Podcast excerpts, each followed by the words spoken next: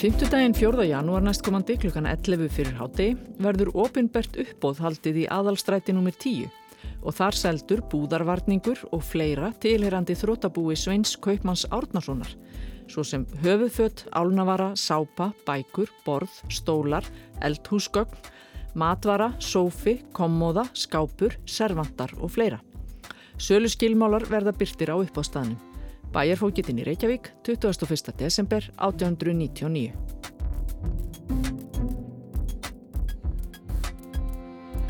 Bæjarfókitinn í Reykjavík hafði í nægu að snúast við að selja eigur skuldara á uppbóði á árunum í kringum aldamóti 1900.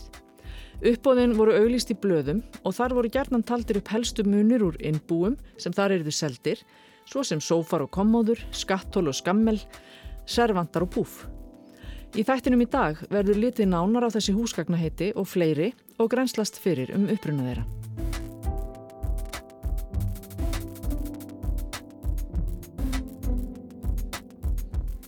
Þú ert að hlusta á orðavorði og ég heiti Anna Sigriður Þráhansdóttir.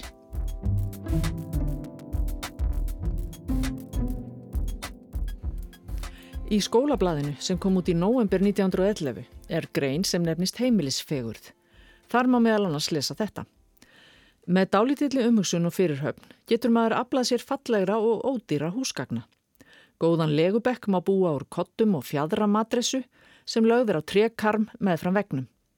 Breiði maður heima og opna ábreyðu yfir þetta hefur maður fínan dívan sem er gott sæti og ágætt miðdagskvíla er á svip stundum að breyta í besta gestarum. Málaborð með stóru þvóttafatti og vaskönnu er besta og hreinlegasta þvóttaborðið. Kaupir maður djúpa óbrotna körfustóla eða táastóla, grá gula á lit og sögmi sessur í þá, annarkvort úr smágerðum dúk eða sögmi rósir á einlitan dúk, hefur maður aflað sér góðra og falleira hægjendastóla. Tilvitnun líkur. Í þessum teksta, sem er greinilega þýtur úr ennsku, er reynd eftir megni að nota íslensk orðum hverskins húsgögn orðið svo þvottaborð og legubekkur. Engu að síður læðast með tökuorð eins og dívan og fín og eru höfði gæsalöpum. Orðið táastólar er framandlegt þótt Íslandst sé og er haft bæði innan svega og í gæsalöpum. Eða kannski er þetta körfustólinn sem er nýtt orð og táastólinn hafður í sveganum til skýringar. Í uppásauðlisingunni sem lesin var í upphafið þáttarins er aftur á móti ekki haft fyrir að leita upp í íslensk heiti. Þar verður meðal annars sagt að gera góð kaup í sófa, kommóðu og servendum. Það var líklega ekki fyrir ná 19. öld sem farið var að flytja húsgögn til landsins í einhverju magni til að fylla með hýbíli í Íslandinga. Þau voru yfirleitt flutt inn frá Danmörku og báru oft framandli heiti, svo sem Dívan, Skammel og Sessalón. En förum samt aðeins lengra aftur í tíman, til átjándu aldar, þegar orði Betti kom sér fyrir í íslensku og skoðum aðeins söguna í kringu það. Orðin beður, beð og betti eru í raun eitt og sama orðið, að uppruna, en hafa hvert sína merkingu. Lítum aðeins betur á orðin beður og beð. Hvað eiga þessi orð sameigilegt og hvað greinir á millið þeirra? Frá málfræðilegu sjónarhórni eiga þau sameigilegt að vera nafnorð og það þarf ekki mikla sérþekkingu til að sjá að þau eru á sömu rót. Og frá sama sjónarhórni er aðgreiningin fyrst og fremst í beigingunni. Beð er kvorukinsorð og beigist sem slíkt. Beður karlkinsorð með karlkins beigingu. En þar með er ekki öll sagan sögð því að beð og beður án greinis eru bara mismunandi í nefnifalli. Þau líta út og hljóma nákvæmlega eins í þólfalli, þáufalli og eignarfalli. Á okkar tímum er karlkinsorðið beður líklega mun sjálfgjafara en kvorukinsorðið beð og auk þess sannlega oftast notaði þáufalli án greinis. Við tölum, engum í formlegu máli, um að einhver líki á sjúkrabeði eða á dánarbeði. Beður kemur nokkrum sinnum fyrir í Íslandingasögum en á setni öldum er það engum að finna í hvaðskap. Það verist við ekki hafa verið partur af lifandi máli í margar aldir nema í þessum förstu orðasamböndum. Þar er beður alltaf í þáufalli og við heyrum og sjáum aðrar beigingarmyndir sjaldan. Aftur á móti eru þau stundum með greini á dánarbeðnum og á sjúkrabeðnum.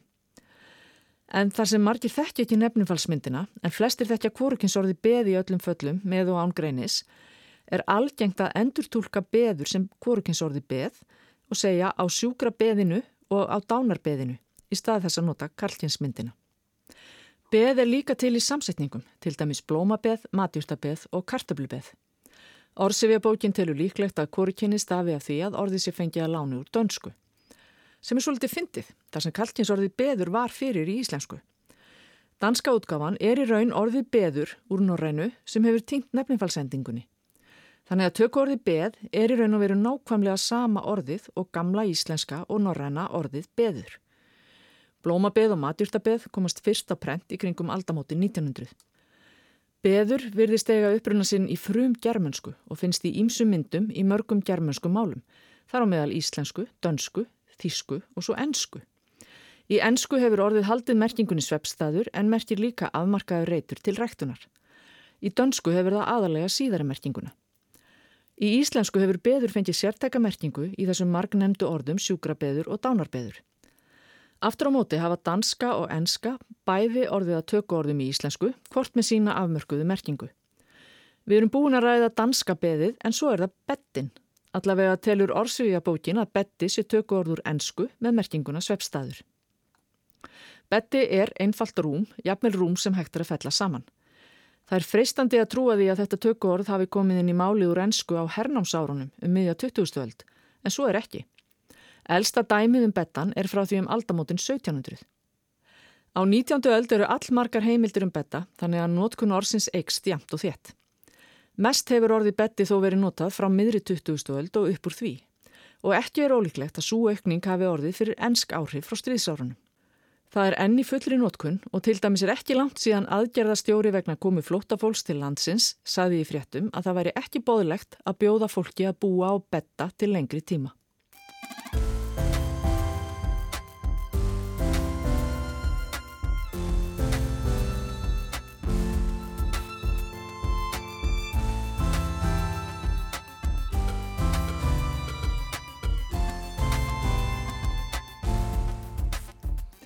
Tökuorði betti hefur lagað sig ágætlega að íslensku.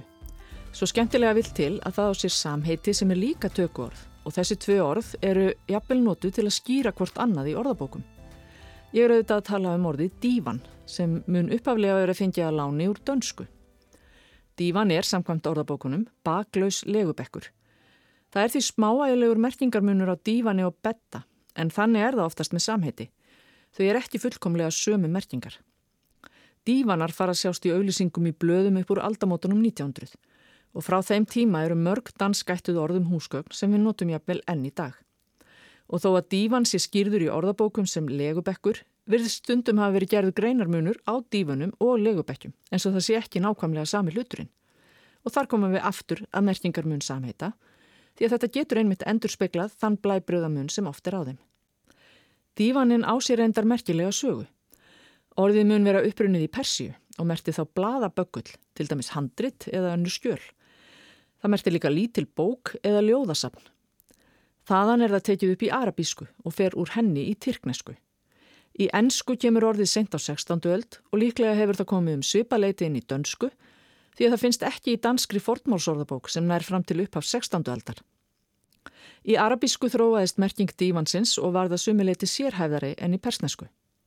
Orðið fór að draga merkingu af stjórnsýslu og merti meðal annars stjórnaráð eða ríkisráð. Uppur því færða merkinguna bekkur og hún er rækinn til þess að bekkir voru með fram vekkjum í salarkennum stjórnaráða. Að minnstakosti eitt dæmi er til í íslenskum heimildum um orðið dívan í merkingunni stjórnaráð. Það er frá fyrirluta 19. aldar og byrtist í klausturpostinum.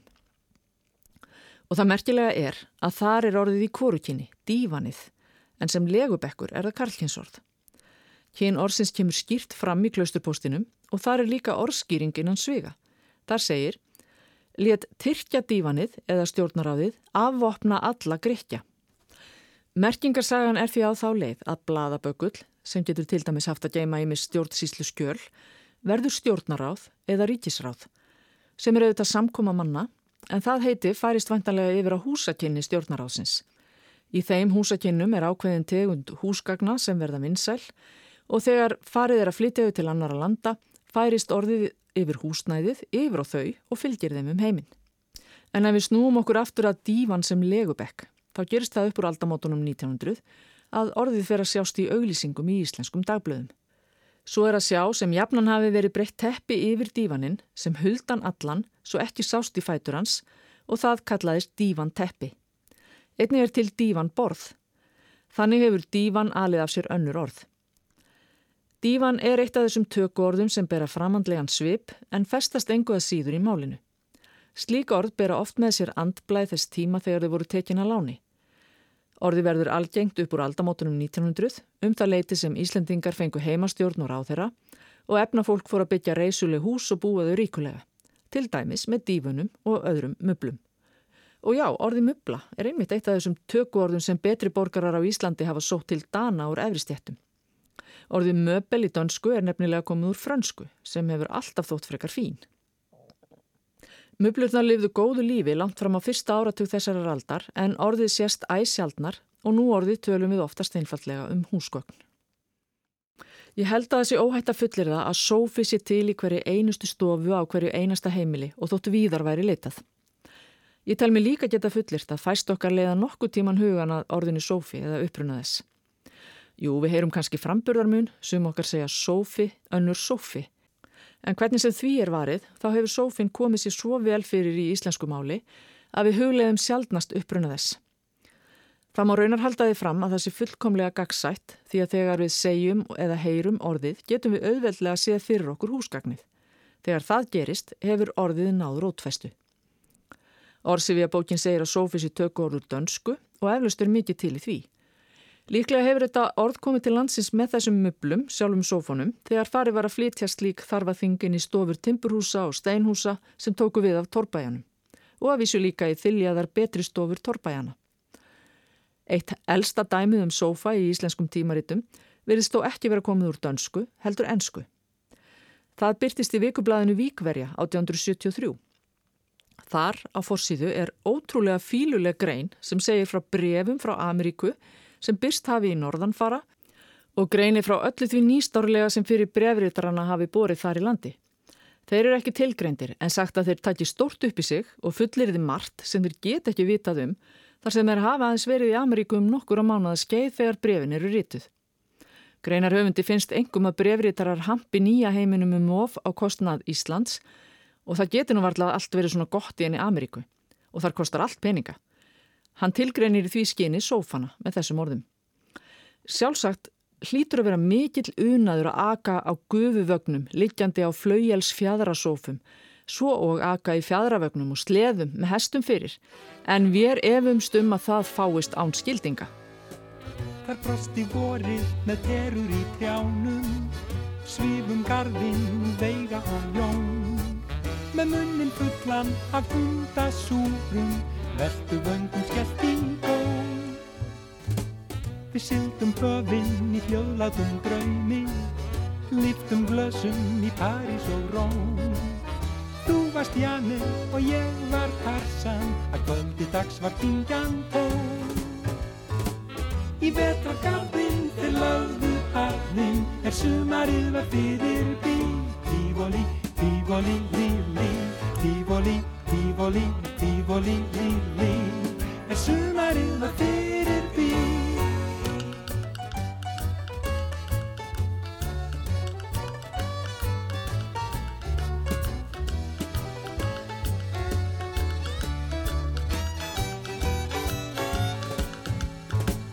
Í vetragarðin til lögðu harðin Er sumarið að fyrir bí Svo liðu árin til lokuði daginn Sett upp skilti í gunnar og geir. Keftu drasli og seltu drasli Þánga kemur engin meir Í varnargarðin til lögðu harðin Er sumarið að fyrir bí Tífóli, tífóli,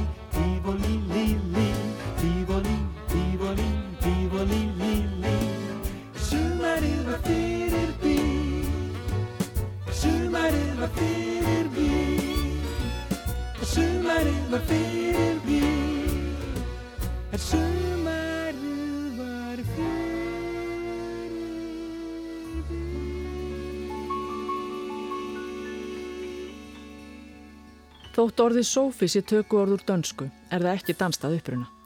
Það fyrirfinnst í fjöl mörgum tungumálum og sjálfur hafa Danir líklega fengið sófana láni úr þýsku.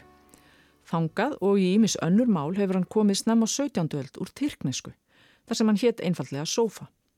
en tyrkneski sófin var tökuorður arabísku, suffa. Tyrkneski sófin var upphækkað golf sem þakki var púðum og teppum og það er ekki fyrir ná átjándu öll sem sófi verður langt bólstrað sæti með baki sem hægt er að halla sér aftur í og láta fara vel um sig. Orðin sem notuður yfir sófa eru tökuorði í fjölmörgum tungumálum og þar virðast engum líka til grundvallar aðeins tvö orð, arabísk-tyrkneska orðið sófi sem við höfum þegar kynst og gríska orðið konopeion. Það er orð sem lagði líka í langferð rétt eins og sófin. Leið þess lágur grísku í latínu og þaðan í fransku, spænsku og portugalsku. Þessi tvö orð, sófi og kanapé, virðast vera ráðandi og fyrirfinnast í ýmsum myndum í fjölmörgum tungumálum. Dívan hefur þó líka náð útbreðslu í merkingunni sófi og í nokkrum germanskum málum heitir sófin einfallega bekkur. Orðið konopeion úr fortgrísku hefur nokkuð þrönga merkingu. Egifskur bekkur með flugnanetti. Í ennsku varð gríska orðið að canopy sem merkir meðal annars tjaldheimin eða hlýðartjald út frá flugnanettsmerkingunni í fortgríska orðinu. Í rómansku málum varð gríska orðið hins vegar að canapé út frá bekkjarmerkingunni í fortgríska orðinu og það er skemmtilegt að spá í hvernig merking orðsins hefur klopnað ef svo má segja. Raunar mun ennska orðið vera komið úr fornfrönsku svo þar hefur það þegar haft þessar tvær merkingar. Enska orði couch eða sofi er raunar líka komið úr frönsku þar sem það merkir sæti.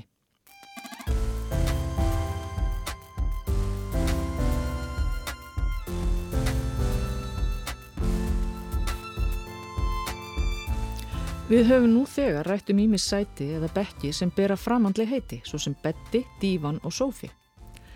Eitt slíkt sæti þykkur napsitt úr frönsku, þar sem það kallast chaise longue, sem merkir langur stól eða leobekkur.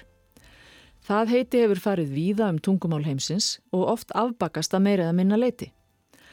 Í ennsku var chaise longue til dæmis að chaise lounge. Sem nafnorð merkir lounge ímist setustofa, legubekkur eða kvíld og afslöpun, þrjár ólíkar en þó tengdar merkingar. Og sem sagnorð merkir lounge ímist að láta fara vel um sig eða liggja í liti. Og reyndar er orðið lounge líka þegið úr frönsku, það er fort frönsku, að liggja endi langur. Jes Long er eitt af þeim húsgögnum sem tóku að berast frá Danmörku til Íslands um og upp úr aldamótunum 1900. Á dönsku kallaðist það Sjeselong. Franska nafni tvö orð sem runnu saman í eitt og fengu danskan framburð. Þetta er legubekkur með uppreistu eða hallandi baki. Og einmitt aldamóta árið 1900 auglisti verslun BNS Þórarinssonar að hún hefði að bjóða dýrindisrökkustóla með nýjasta lægi, Sjeselong, dívanborð, gluggaborð og loks mikið af stólum, allt mjög ódýrt. Orðið Sjesselong hefur aldrei verið algengt en þó eru dæmi um það í blöðum og tímaritum í tæp 120 ár. Frá 1900 til 2019 þegar húsgagnaverslun í Reykjavík auglisti þetta húsgagn til sölu með 30% afslætti. Til að byrja með var Sjesselong algengasta útgáfan af heiti þessa húsgags í íslenskum blöðum og tímaritum.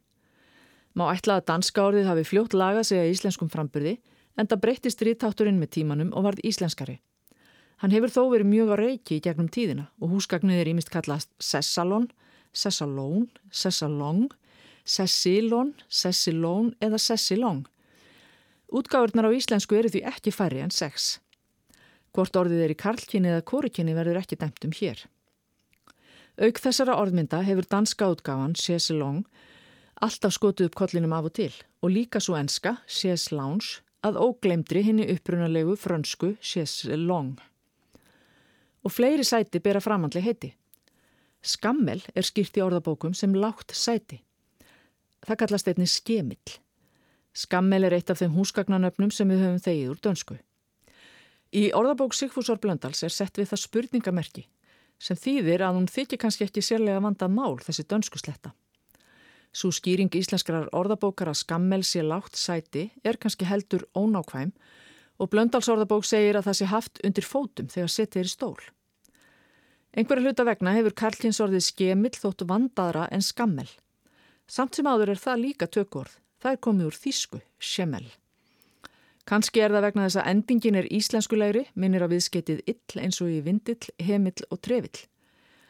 Samkvæmt hefð enda íslensk orð ekki á EL svo það er miklu meiri tökukemur af skammel en skemill. Enn eitt sætið með framandlegt heiti er ottoman. Það er skýrt sem breyður flatur legubekkur, oftast án baks eða arma og svo lýsing passar ágætlega við ottomana sem hægt er að finna í húsgagnabúðum á okkar tímum. Þótt líklega sé ekki beinlinni skert ráð fyrir að þessu notaði sem legubekkir.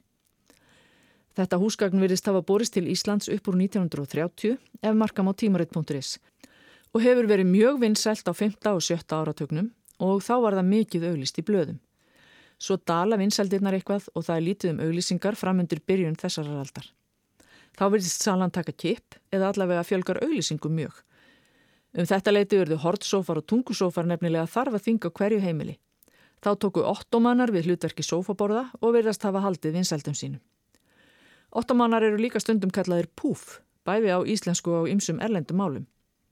Púf finnst í íslensku allt frá 19. öld og þá var það notað um kistu með bólstruðu loki.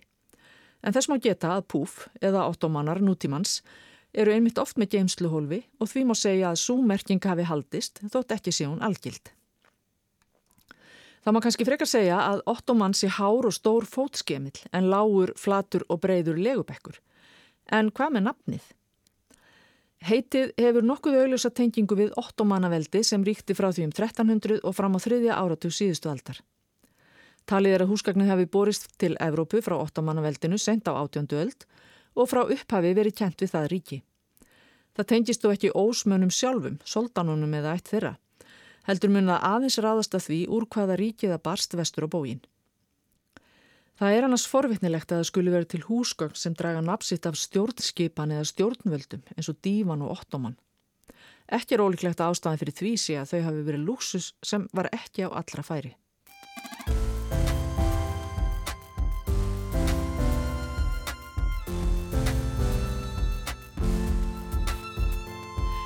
Við ofinbert uppbóð sem haldið verður eftir beðinni Guðina Gullsmið Símónarssonar á heimili hans förstu daginn átjónda þessa mánadar og byrja klukkan 11 fyrir hátegi verða seldir ímsir munir svo sem borð, stólar, skattól, bókaskápar, kommóða, sófi, servantur, púf, rúmstæði, saumavélar, klukka, lírukassi, lampar, opnar, nakkar, skoblur, tunnur, kassar og fleira. Bæjarfókjetin í Reykjavík 11. oktober 1895, Haldur Danielsson. Tilvutnum líkur. Þessi uppáðsauðlýsing byrtist í Ísafold 12. oktober 1895. Þarna eru talin upp nokkur húsgögn með erlendu heiti sem við höfum þegar fjallaðum í þættinum og líka nokkur sem ekki hefur enn verið minnst á. Eitt af þeim er servantur. Það húsgagn er ekki lengur algengt á íslenskum heimilum nema sem guðmul skrautumubla. Servantur er smáborð eða skápur undir þóttaskál og vaskönnu, einni kallað þóttaborð eins og við heyrðum í greininu um færun heimilisins sem lesið var úr fyrir þættinum. Servanturinn var hafður í Svefnurberginu, enda var það staðurinn fyrir dagleg líkamstrif. Orðið servantur hefur komið með húsgagninu frá Danmörku, en uppbrunnið þess er franskur. Servantar urðu óþarfir þegar vatn var almennt leitt í hús. Því minkar nótkunn orðsins merkjanlega upp úr 1940, en fyrir þann tíma er gjarnan verið að auðlisa notaða servanta til sölu. Önnur tegund af hyrslu með danstnafn tilherði borstofinni til skams tíma. Óhættir að segja að öll betri heimili hafi státað af skeng. Heitið skengur er dreyið af sögninni skengja sem þýðir að hella og er tökku orður miðláþísku en vafalust hinga komið úr dönsku. Því tengist líka orðið skengiborð, borðið þar sem heldur í glösin. Þar til á síðustu árum merti orðið skengur borðstofu skápur sem geymir spariborðbúna heimilisins, dúka, kjerti og fleira sem nöðsynlegt er til veisluhalda. Í setni tíð hefur heitið fæst yfir á önnur húsgögn og á sölu síðum fyrir notaðan húsbónað má oft sjá til sölu sjónvarpsskápa og ymsa aðra skápa og jafnvel kommóður undir nafninu skengur. Það sínur okkur að upprunalega merkingin er á undanhaldi í almennri málvitund. Notkunarsvið orðsins vikar svo og það er nú notað yfir hyrslur af margvíslegu tægi. Þó ekki hvernig hyrslur sem er, Bókaskápar eru til dæmis ekki kallaðir skengir. Enn einn hirslan með framandlegt nafn er skattól. Þessar möblur voru geysi vinsalar til fermingargjafa á 7. og 8. áratögnum og þá oftast úr tekki sem þá var í tísku. Engum voru það stúlkur sem fengu slík húsgögn í fermingargjöf. Skattól þjónuð ekki engungu sem skrifborð, heldur var hægt að geimi þeim skartgripi og snirtuvörur og oft var speill undir borðplötunni sem hægt var að lifta upp. En stundum var borplatan eins konar lók sem hallað var aftur á efri hluta skattólsins. Þetta voru hagnýtt fjölnóta húsgögn með skúfum undir fatnað, stundum útdraganlegri borplötu sem hægt var að lifta og undir hennar skúfa með nokkrum hólfum og svo var hilla yfir borplötunni. Heitið skattól hefur lungum verið ráðgata. Hvaða orð er þetta? Hvaðan kemur það? Það mætti ætla að það veri ógagsætt með öllu. Málhreinsunum fólk gerir einmitt oft kröfu um að orð séu gagsæ svo að merking vera séu öllum ljós og það er ein ástæðan fyrir því að amast við tökuorðum. En merkingor sem skattól er morgun ljós öllum sem þekkja þetta húsgagn, öðrum að vísu ekki. Og það er augljóslega af erlendum uppruna. Skattól eru ekki bara tískufermingargjafir frá síðarlutu 20. aldar. Þau voru komin til landsins þegar á 19. öld. Árið 1880 var haldið stórt uppbóð á hliði á Altanissi og meðal þess sem þar var selt var einmitt skattól. Þau voru þá gersemar sem ekki fyrirfundust á hverju heimili. En svo við á um fjölmörg húsgögn fylgdi nafnið möblunni til Íslands frá Danmörku þar sem húsgagnin nefndist sjatól. En það er eitthvað framhandlegt við danska orði sjatól. Það er ekki mjög dönskulegt og á nokkur svafa líka tökvorð. Það hljómar eins og þessi komið úr frönsku og það er ekki fjärstaðu kent tilgáta en það eru ímist dæmi þess að dansk húsgagnaheiti séu upprunin í frönsku. En tilgátanum frönskuna er bara ekki rétt því að sjatól kemur úr þýsku. Á því máli er orðið sjatúle og er líka tökuord komið úr ítölsku. Á ítölsku er það skatóla. En ólíkt danska sjatól og íslenska skatólinu er ítalska skatúla og þíska sjatúle alls ekki stort og mikið húsgagn með skúfum, hurðum og borði heldur kista eða skrín. Aftur á móti er hljóðþróunin að ferð þessa orðsamilli tungumála aðteglisverð því á ítalsku er upphafsljóðið sk. Á þýsku verður það sh sem helst í dönsku þó drittátturinn sé annar og loks verður það aftur að sk á íslensku þegar skattólið kemur til landsins og í málið. Það er ekki hægt annað en að minnast á eitt algengt húsgagn með heiti af erlendum uppruna í viðbútt kommóðan góða sem er kassalaga og með skúfum. En svo flest önnur húsgagnaheiti er kommóðan rækinn til dönsku sem sótt hana til Fraklands. Orðið er upprunnið í latínu, commodus, en það merkir sem hæfir er í réttri stærð eða með réttum hlutföllum. Kommóðan á sér líka íslenskt nafn en það er sjaldan notað og það er orðið dragkista.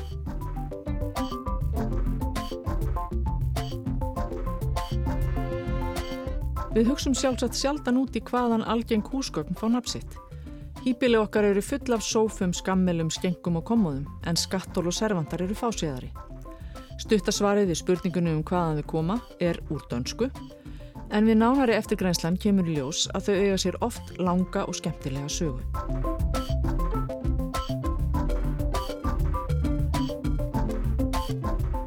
Þú varst að hlusta á orðavorði. Ég heiti Anna Sigriður Þráinsdóttir og tæknumadur í dag var Markus Hjaldarsson. Verðið sæl.